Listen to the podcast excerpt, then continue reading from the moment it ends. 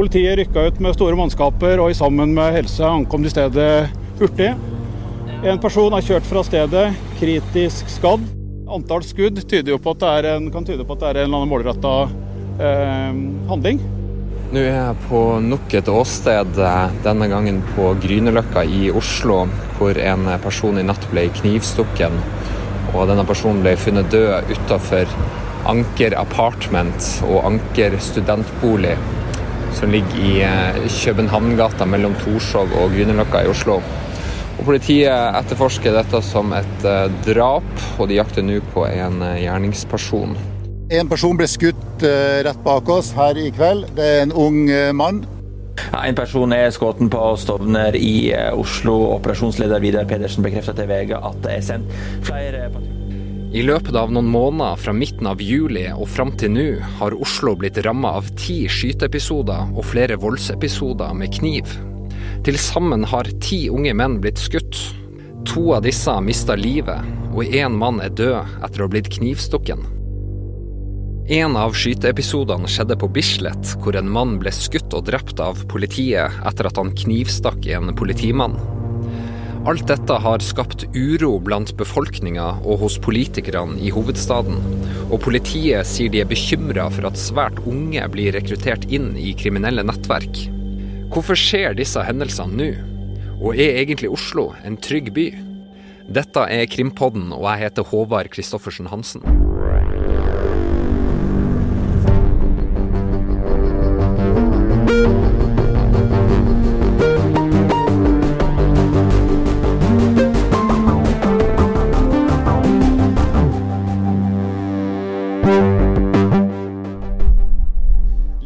Der jeg befinner meg nå, eh, på Mortensrud, rett ved Lofsrud skole, så fikk eh, politiet en melding klokken eh, ti på halv elleve i kveld om at en person var blitt skutt.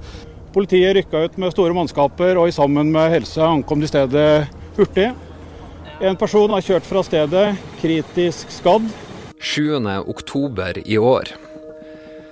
20 år gamle Hamse Hashi Adan står sammen med flere andre ungdommer utafor Lofsrud skole på Mortensrud. Ifølge vitner kommer en mann mot dem og drar fram et skytevåpen. Han avfyrer flere skudd. 20-åringen blir liggende på bakken og har omfattende skader.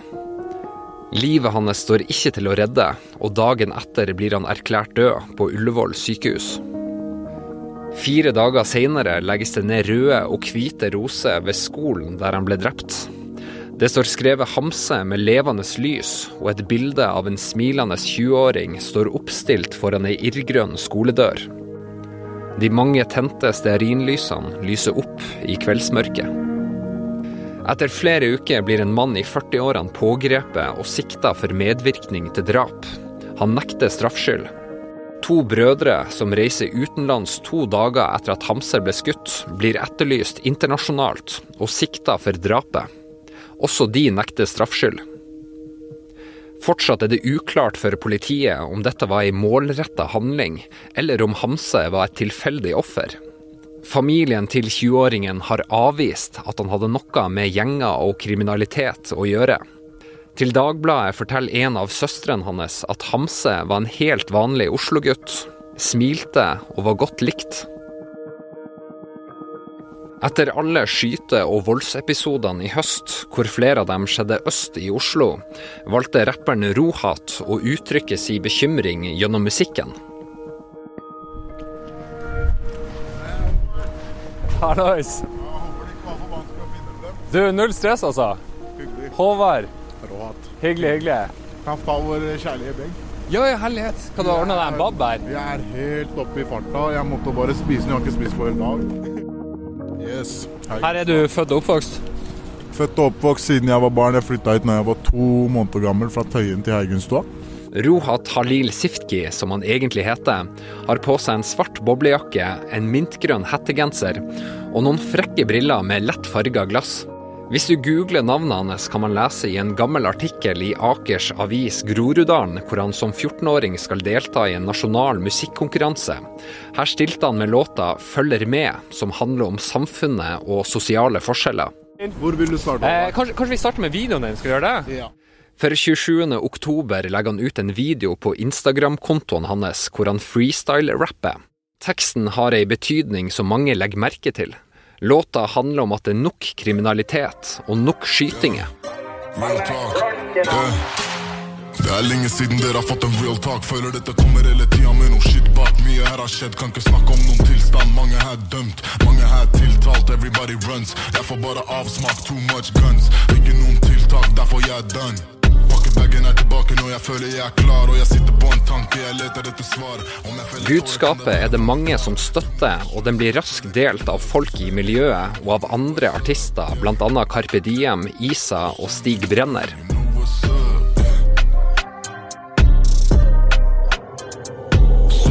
mm, være enige om at ingen flere dør, eller hva? Jeg så død i min far, ingenting som før.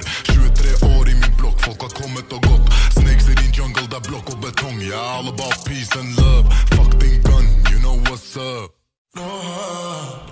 Så, denne videoen her er eh, en ettminutts video der jeg bruker min kunst til å freestyle ut et vers som er veldig ekte, som er veldig ærlig, åpent. Der jeg putter eh, både de dårlige sidene ved det og de gode. Og prøver å på en måte fremvise det på en god måte, da. Eh, disse real talksa her pleide jeg å skrive før, ikke så mye mer nå. Men etter alt det som har skjedd, så følte jeg det var på en måte litt tide for å forklare litt av hva som skjer rundt. da. Jeg gjorde det ikke for oppmerksomheten, jeg gjorde det ikke for trenden, jeg gjorde det for ingenting annet enn selve budskapet den hadde.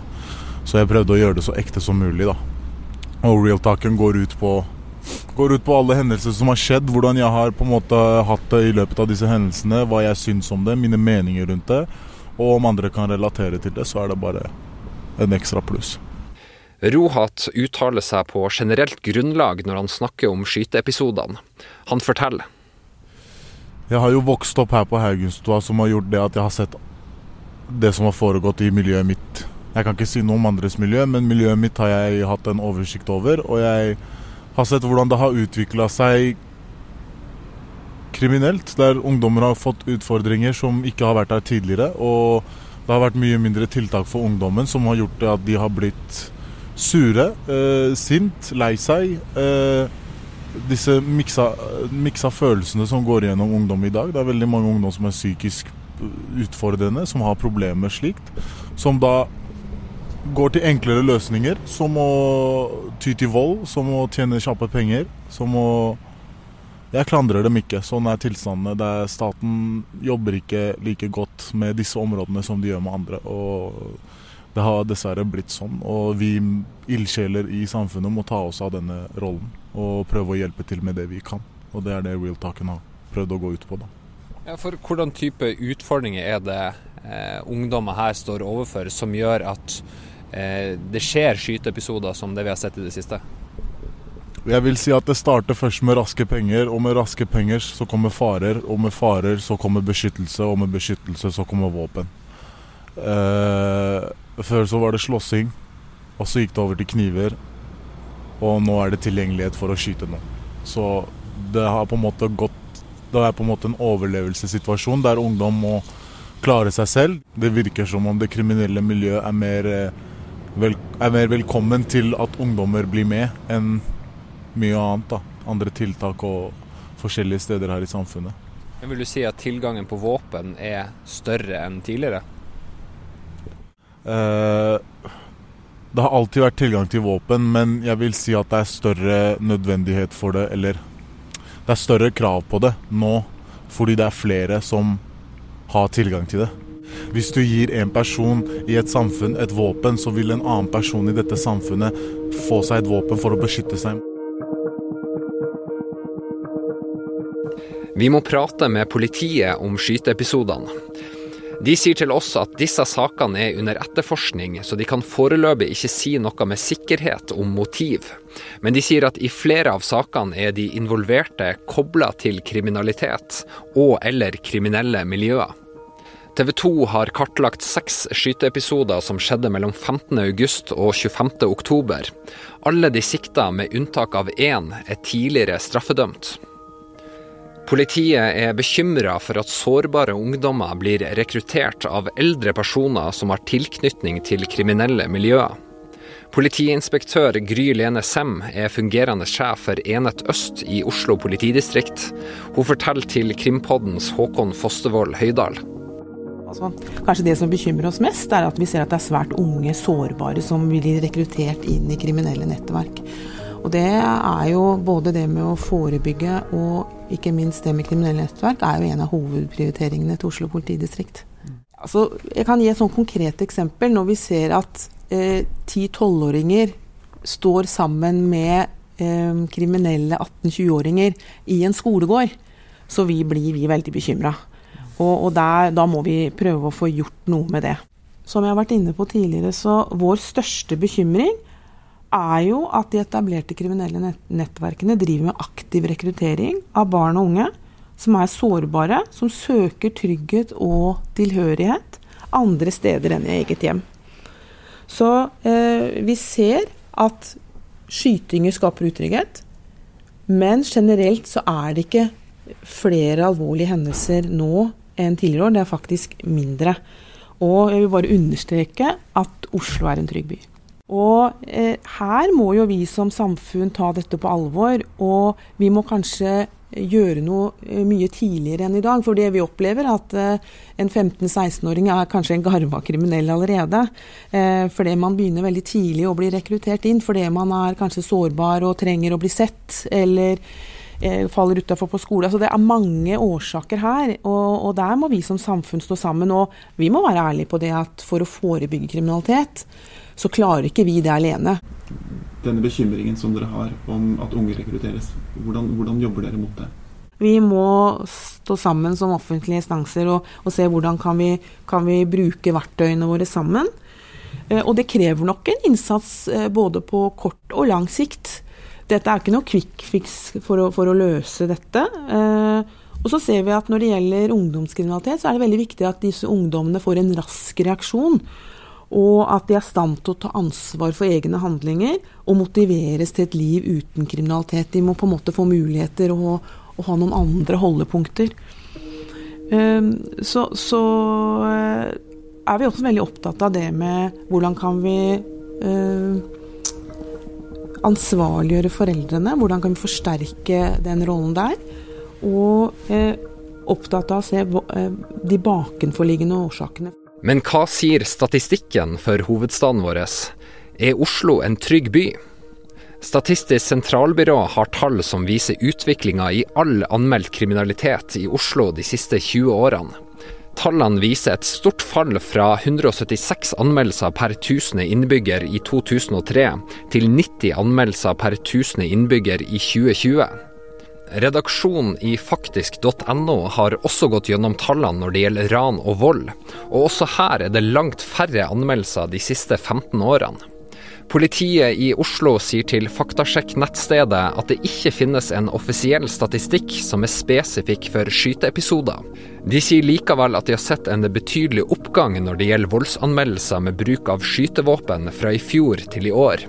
Samtidig har de sett en betydelig nedgang for tilsvarende anmeldelser med bruk av kniv i samme periode.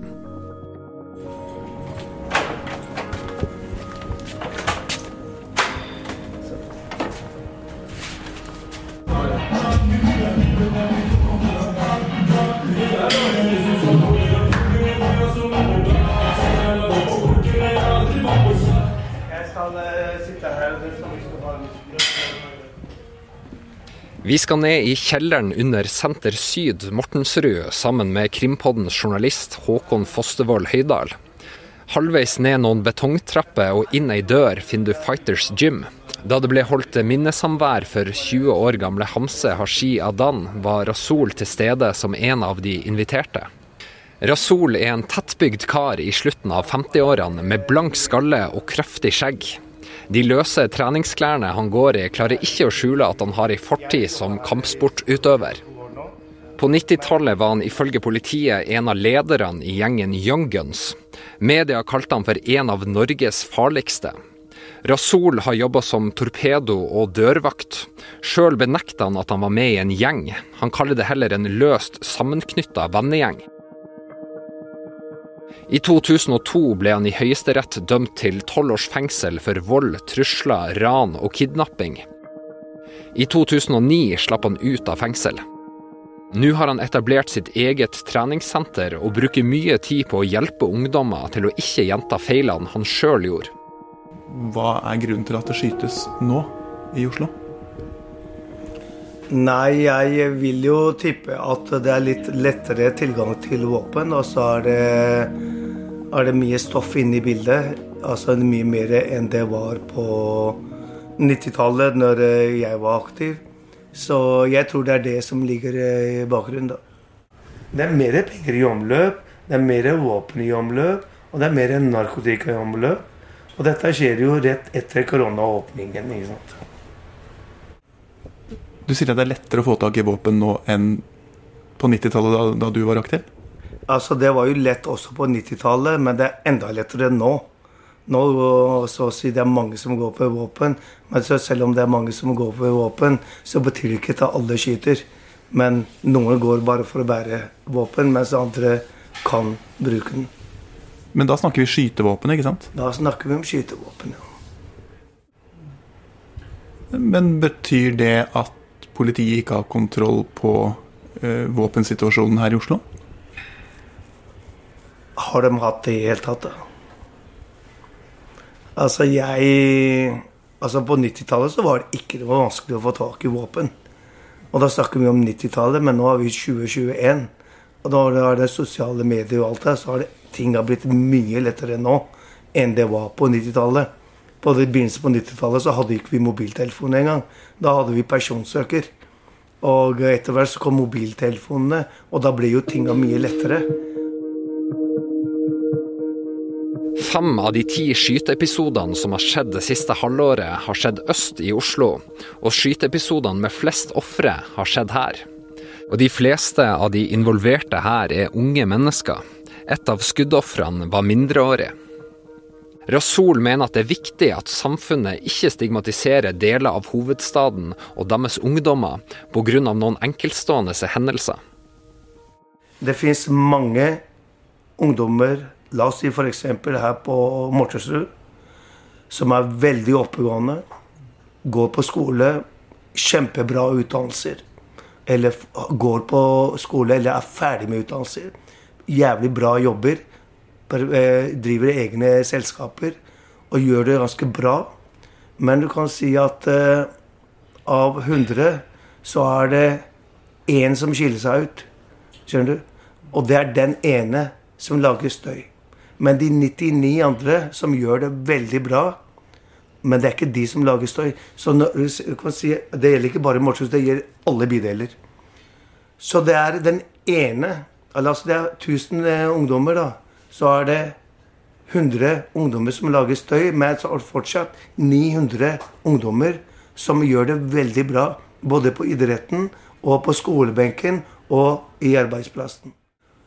Og eh, så det er litt viktig også å ta med det, da. At liksom vi må skille de.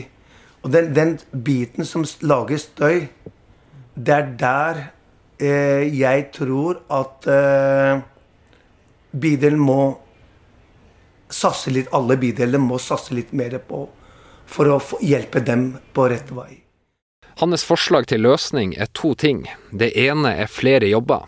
Jeg tror det er mye arbeidsledighet, frustrasjon, med tanke på at uh, de driver og søker og søker og søker, og de når ikke noen ting. Frustrasjonen ligger der. Jeg, det er det jeg tror. Jeg tror jobb er en ganske løsning. For at jeg snakket med veldig mange ungdommer. De har problemer med å få jobb. Bare du kommer fra Mortensrud eller fra belasta i media så har det belasta miljøer. Uansett om det er Stovner, Grorud, eh, Holmlia eller hvor du kommer fra. Så hvis du kommer fra en belastet område, bydel, så er det vanskelig å få jobb. Jeg tror at med litt jobb og litt drahjelp, så tror jeg løsningen ligger der. Den andre løsninga han peker på, er færre tilfeldige kontroller fra politiet. Politiet så tror jeg at eh, politiet må gå frem på en helt annen måte enn de gjør per i dag. det For det første så må de slutte å provosere ungdom. Eh, provokasjon, provokasjon avler bare mer provokasjon. Men politiet, de altså når, du sier, er jo, når du sier at det er mer våpen her ute, så må jo politiet eh, få tak i det? Ja, men eh, hvor mange våpen er det de klarer å ta tak i det? Ting blir jo frakta fra A til B. Og det er ikke de gutta som går med våpen, det er noe helt andre. Når politiet ransaker, så finner jo ikke de våpen. Skjønner du? Så da er de på feil spor. Jeg, kjenner til mange ransakelser de ikke har funnet noen ting. Og det er fordi da er de på feil, feil spor. De må gå på det rette, da. Ikke bare til de ungdommene som står der. Tror du vi kan forvente at det skytes igjen i Oslo? Det var en dum spørsmål, det. Jeg håper at ikke det skjer noen. Jeg vil ikke ha noe skytinger. Nei da, altså, jeg vet jo ikke det, da. Altså, Det er vel ingen som kan forutse det. Det kan vel ingen svare på. Tilbake til politiinspektør Gry Lene Sem, som er fungerende sjef for Enhet øst i Oslo politidistrikt. Hun forteller at ransakingen gjøres av en grunn, og hun forteller om mange beslag av skytevåpen. Jeg kan jo bare gi et eksempel fra vår egen enhet, altså Enhet øst, som har ansvaret for syv av Oslos østlige bydeler. Så har vi nå tatt beslag i 59 skytevåpen hittil i år. Og så har vi tatt beslag i eh, er det 93 eh, slag- og stikkåpen. Og det er jo et betydelig antall, og det er bare vår geografiske enhet. Og det er klart at Hvis du blir stoppa mange ganger, så kan det føles som en belastning. Eh, samtidig så har vi jo tatt ut veldig mange våpen i år. Og det viser jo at folka våre treffer. For vi tror at det er helt avgjørende at vi får tatt ut våpen og kniver eh, fra gata. Eh, det er ikke greit at eh, ungdom bevæpner seg og går rundt i nærmiljøet. For, for, det er noe som han Shaid Rasul snakket om var hos han. Han, mm. han sa jo det at han mener at politiet ikke har kontroll på våpensituasjonen. Og at det er mye lettere å få tak i våpen i dag enn da han var aktiv på, på 90- og 2000-tallet. Så det har ikke jeg noe grunnlag for å egentlig kommentere. Så, så, men det er klart at, at, vi tar beslag i så mange våpen, det bekymrer oss jo. Mm. Og, men det, den jobben uh, vil vi intensivere og, og fortsette med. Hva som er grunnen til at vi i høst har hatt mange skyteepisoder og flere alvorlige knivhendelser, har ikke Sem et klart svar på nå. Vi ser ikke noe sammenheng mellom disse ulike hendelsene. Og eh, vi ser at noen av hendelsene er knyttet til enkeltaktører.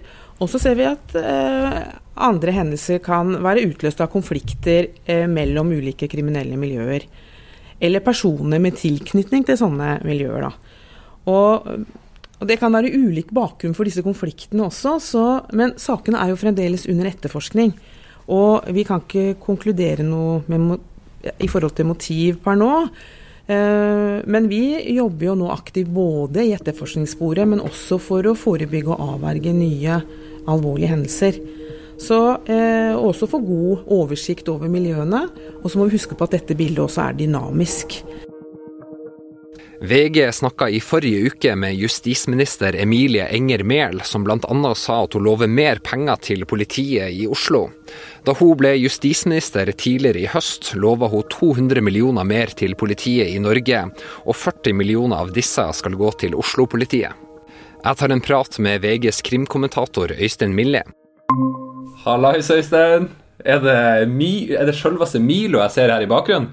Ja, det er det. Han er jo blitt en slags uh, kontorhund. Um, jeg vil jo si at han har vært en av de som kanskje har eh, vunnet litt på denne snart to år lange koronapandemien, som eh, mange av oss syns er veldig slitsom. Men han har jo da fått flere hjemme i huset her, så han har da inntatt posisjonen som en slags kontorhund inne på hjemmekontoret mitt der, da.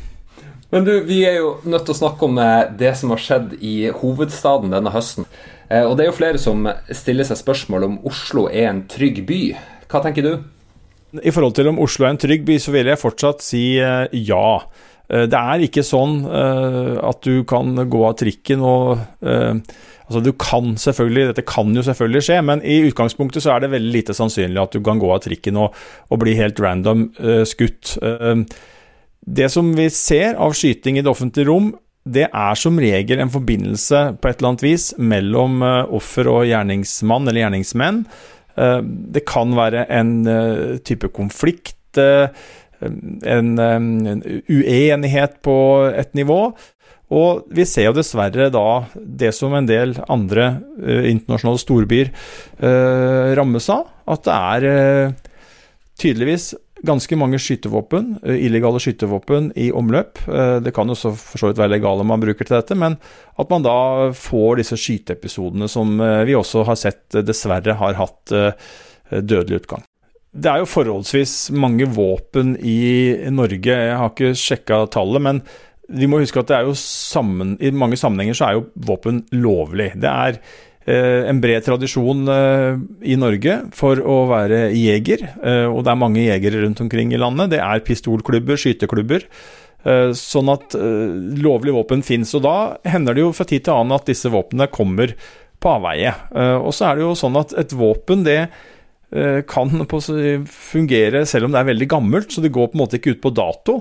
Altså en, eh, Et våpen fra 60- eller 70-tallet kan jo uh, fungere helt utmerket, og sånn sett en, utgjøre en like stor trussel som en helt ny pistol eller revolver. og Dermed så er jo logikken sånn at jo flere våpen som Hvis det går flere våpen inn i et illegalt marked enn det går ut, i den forstand at de blir uh, ja, si, oppbrukt og går ut på dato, eller om de blir Eh, kasta og dumpa fordi at disse våpnene har blitt brukt til noe. men eh, Det spiller for så vidt ingen rolle. Men hvis det kommer flere våpen inn i det kriminelle miljøet enn ut, så sier det seg sjøl at våpentilgangen blir uh, større og bedre. Og så vet ikke jeg om, om, det er situasjonen, men det er i hvert fall ingen tvil om at det er uh, en del illegale våpen, og for mange illegale våpen, uh, på avveie i Oslo spesielt. Politiinspektør Gry Lene Sem mener at koronastengte grenser kan være en av grunnene til noen av høstens skytinger. Altså, jeg, jeg, skulle gjerne hatt svarene på, på årsakene her, og, og, det har vi ikke. Men vi må også huske på at vi er midt inn i en pandemi. Det kan godt hende hatt stengte grenser. Det kan godt hende det har en innvirkning, men som sagt så er disse sakene under etterforskning, så jeg kan ikke komme med noen sånn konkrete motiv og svar på dette nå. Men det vi vet, er jo at eh, de kriminelle nettverkene er ofte eh, profittorientert. Og er involvert i bl.a. narkotikakriminalitet, vold og trusler og økonomi. Altså, så, så eh, det, er jo, det, er jo, en kjensgjerning at det ligger kanskje bak. Men noe, noe konkret på hvorfor klarer jeg ikke å gi svar på nå. Men vi jobber veldig hardt med å, med å etterforske og oppklare sakene. og og håper å komme helt til bunns i dette. Og så vil jeg bare, bare si litt at, at, selv om det har vært mange hendelser i forhold til skytevåpen nå, så er ikke uh, det bildet helt sånn entydig negativt. Uh, fordi at det er, en betydelig nedgang i antall anmeldelser med grov vold, drap og drapsforsøk enn tidligere år. Og det er også eh, betydelig nedgang med antall ran med våpen. Så samla sett så er det mindre alvorlige hendelser i år enn det har vært tidligere år. Mm. Men det er klart at disse skytehendelsene er jo både skremmende og uakseptabelt i det offentlige rom. Mm. Ja. Men, men er, det noe, er, det noe, her som, som, har fått bygge seg opp i Oslo, som, som ikke man har, uh, har vært klar over? Når vi ikke har svarene og ferdig å etterforske, så kan jeg heller ikke gi deg, gi deg, noe konkret på det. Men det er klart at vi jobber hele tida med, å, med å, å, følge med på utviklingen i forhold til de kriminelle nettverkene. Vi jobber opp mot ungdommer. Vi jobber for å prøve å få folk ut av de kriminelle miljøene. Så, så dette er en, en kontinuerlig prosess. Men vi har jo vært i kontakt med politiet, som sier at de eh, det, det, ikke er noen sammenheng mellom alle disse ulike hendelsene. Eh, men er egentlig det beroligende eh, på noe vis? Da vil jeg si eh, at det er både kanskje et ja og et nei, og kanskje mest et nei. fordi at hvis det hadde vært et miljø uh, som hadde hatt disse skyteepisodene, så kunne man jo tenke seg at det var lettere å stoppe. Da hadde politiet visst uh, hvor man skulle rette innsatsen, og man hadde kanskje kunne gått mer målretta inn. Og det har vi jo sett opp gjennom årene, uten at det nødvendigvis har vært skytekonflikter, men det har jo vært konflikter eh, med voldelig karakter i, i, miljøer eh, fra tid til annen. og Da ser man jo at når politiet er klar over at det er et miljø og at det er flere hendelser som henger sammen, så kan man målretta gå inn i det miljøet, og så har man jo ofte klart å stoppe det.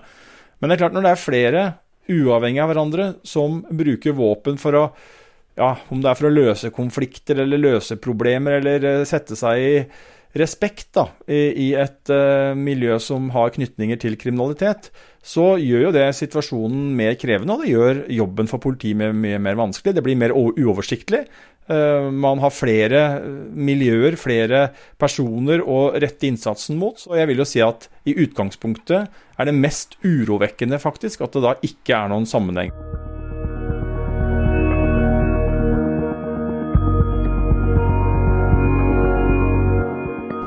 Vi er tilbake på Haugenstua sammen med rapperen Rohat. Jeg skal til, uh, til sentrum, ja. Ok, Greit, da vi bare tar med deg, da. Ja, du kjører? Ja, kompis kjører, han vaska bilen. Ja, men så nydelig. I dag jobber han som ungdomsarbeider og musiker, men veien dit har ikke vært lett. Som yngre så hadde jeg utfordringer med familien som gjorde det slik at jeg var i møte med politiet og barnevernet. Eh, jeg var ikke akkurat den snilleste gutten, og jeg var ikke så Jeg, var, jeg følte ikke så mye regler, mm. kan jeg si.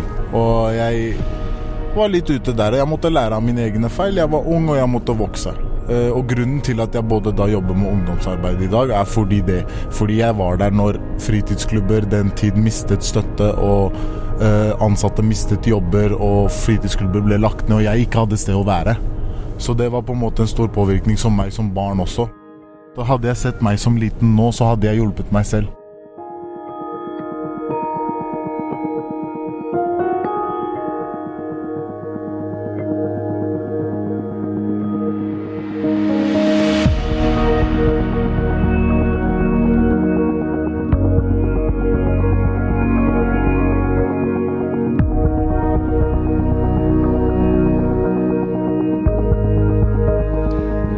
Krimpoddens siste episode denne sesongen. Vi er tilbake igjen 27.1 neste år. Takk for at dere har fulgt oss, hørt på oss og gitt oss tilbakemeldinger. Vi ønsker dere alle ei fredelig jul. Denne episoden er laga av Håkon Fostervoll Høydal og meg, Håvard Christoffersen Hansen. Journalist Vilde Elgåen og Thea Rosef har også bidratt. Produsent for Krimpodden er Vilde Kalsås Vorren, og Maria Mikkelsen er nyhetssjef. Musikken er laga av Ronny Furuvik, og ansvarlig redaktør for Krimpodden er VGs sjefredaktør Gard Steiro. Vi høres til neste år.